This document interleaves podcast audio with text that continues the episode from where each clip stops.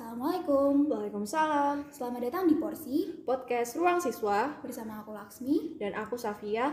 Kita dari kelas 11 IPA 3.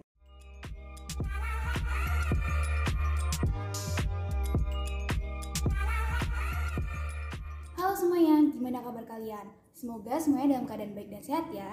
Amin. By the way, Mi, kita udah lama banget nggak ketemu. Bener Saf, semenjak adanya pandemi COVID-19 ini jadi banyak banget yang berubah. Iya tuh, termasuk aktivitas kita sehari-hari. Gak cuman itu, tapi juga banyak peraturan baru yang mesti kita patuhi, salah satunya stay at home. Iya, Mi. Makanya kita jadi gak bisa sekolah kayak biasanya juga.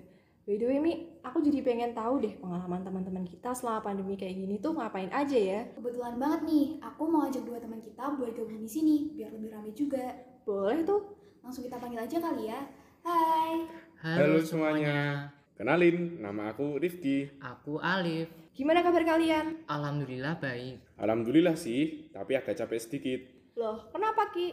Biasa, habis bergadang, ngerjain tugas. waduh semangat ya, emang tugasnya banyak ya? Hmm, lumayan sih. By the way, udah hampir 9 bulan loh ternyata kita di rumah aja.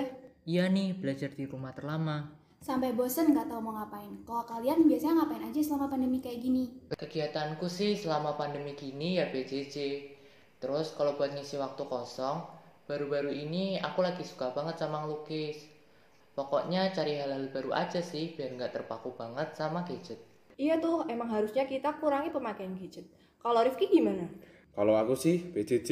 Bantu-bantu orang tua, main HP, ya gitu-gitu aja sih. Kalau kalian, Sama kayak Alif sih, paling utama tetap PJJ dan kebetulan ada bimbel. Terus buat ngisi waktu kosong, aku lagi coba buka online shop. Hitung-hitung buat nambah uang jajan. Sama nih Mi, aku juga lagi coba ngembangin bisnis all shopku. Selain itu, akhir-akhir ini aku juga lebih sering ngeluangin waktu buat main bareng adik aku dan keluarga. Semacam family time gitu. Terus kalau ada waktu kosong, aku pakai buat baca buku atau nonton video tentang sejarah. wah seru-seru ya. Jadi pengen coba hal baru deh di rumah. Harus itu, Ki. Tapi jangan sampai kelupaan sama PJJ ya. Setuju. Di waktu kayak gini, kita mesti pinter-pinternya ngembangin diri. Oh iya, ngomongin tentang PJJ atau pembelajaran jarak jauh, kalian lebih pilih PJJ dari rumah atau sekolah kayak biasanya?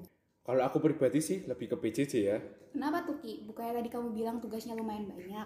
Kalau PJJ itu lebih santai, kita nggak perlu bangun pagi-pagi banget buat siap-siap ke sekolah. Terus juga bisa sambil makan, minum, atau kegiatan lain. Untuk masalah tugas sendiri sih sebenarnya nggak sebanyak itu. Cuman aku sering tunda-tunda, jadinya menumpuk. Makanya Ki, kalau ada tugas tuh langsung dikerjain. Nah, iya tuh. Kalau kamu sendiri, Liv, lebih suka yang mana? Kalau aku lebih pilih pembelajaran offline di sekolah ya, karena kita bisa berinteraksi langsung sama gurunya. Jadi, materi pembelajarannya tuh lebih mudah buat dipahami. Terus, kalau di sekolah rasanya tuh lebih semangat aja gitu buat belajar. Selain itu, kita jadi bisa ketemu sama teman-teman. Iya nih, kalau ada waktu luang atau lagi bosan, biasanya kan buat ngobrol-ngobrol sama teman. Kalau di rumah kayak gini kan paling cuma buat main HP aja. Setuju banget sama pendapat kalian. Ya emang sebenarnya ada plus minusnya sih antara sekolah offline dan online. Tapi kalau buat aku pribadi, aku tetap pilih offline karena konsep pembelajarannya lebih terstruktur. Nah, yang kayak gini nih, yang pengen aku diskusiin sama kalian. Karena pasti setiap orang punya pendapat sendiri. Mungkin ada tuh yang lebih pilih PJJ karena nggak terlalu terikat waktu jadinya santai. Tapi ada juga yang pilih offline karena pembelajarannya lebih efektif. Nah, aku sempat denger nih, katanya ada wacana mengenai PJJ yang akan dibuat permanen. Gimana sih pendapat kalian? Kalau aku pribadi sih yakin, pasti banyak pihak yang kurang setuju dengan hal ini. Bagaimanapun, pembelajaran secara online atau virtual itu nggak sepenuhnya efektif. Iya, dan materi yang disampaikan pun nggak sepenuhnya paham. Selain itu, kita jadi nggak bisa berinteraksi langsung baik sama guru atau teman-teman kita lainnya. Bener tuh, kalau dibikin PJJ terus secara permanen, kita jadi nggak bisa ngerasain masa-masa indah kita di SMA. Bahkan, kita udah kehilangan sebagian waktu kebersamaan kita di kelas 10 dan 11. Yang mana banyak banget momen yang hilang begitu saja. Bener banget, bahkan kita nggak jadi buat ngadain pagelaran seni tari waktu kelas 10. Terus di kelas 11 ini kita gagal untuk ke Bali. Padahal itu kan momen yang paling ditunggu di kelas 11. Iya Mi, jujur sedih banget. Terus tahu-tahu sekarang kita udah kelas 11 aja. Bahkan udah mau penilaian akhir semester juga. Bener banget tuh, 2020 nggak kerasa banget. Time flies so fast. Oh iya, balik lagi ke PJJ yang akan dibuat permanen. Setelah aku baca lebih lanjut, benarnya yang dimaksud itu adalah kombinasi antara PJJ dan tatap muka. Iya Ki, jadi maksud dari PJJ permanen itu adalah pembelajaran tatap muka berbasis teknologi gitu. Jadi guru tetap bisa menggunakan media digital sebagai sarana pembelajarannya. Nah, aku juga pernah tuh baca berita itu. Kalau yang dimaksud pembelajaran seperti itu, jelas aku setuju banget. Cara kita juga tumbuh di tengah-tengah perkembangan teknologi. Jadi nggak masalah sih kita pakai teknologi sebagai media pembelajaran kita. Iya Liv, banyak dampak positifnya juga. Bener banget tuh. Dari tadi kan pada bilang kalau PJJ itu kurang efektif. Aku juga pengen tahu nih, menurut kalian pembelajaran yang efektif tuh kayak gimana? Menurutku, pembelajaran yang efektif, pembelajaran yang santai dan asik gitu. Jadi nggak yang tegang-tegang banget.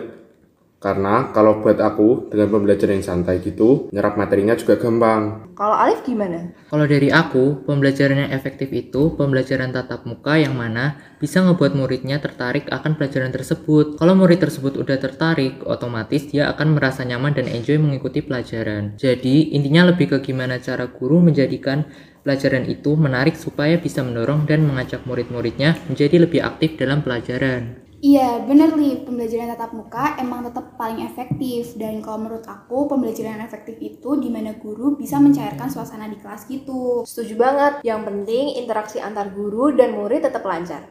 Murid juga gak akan merasa terbebani banget dalam pelajaran. Biar muridnya juga semangat belajar dan mencari tahu, iya kan? Iya, Ki. Kalau menurut kalian, guru juga punya keresahan yang sama nggak sama dengan muridnya? Menurut pendapatku, guru juga ngalamin hal yang sama. Terlebih, juga baru pertama kali pembelajaran jarak jauh yang buat guru juga keteteran. Terlebih lagi, guru juga sudah banyak yang berkeluarga, jadi pasti waktunya terbagi dua untuk mengajar muridnya dan untuk keluarganya. Nah, dengan kondisi kayak gini, peran guru semakin berjasa karena memberikan effort lebih untuk mengajar muridnya supaya murid-muridnya semakin pintar.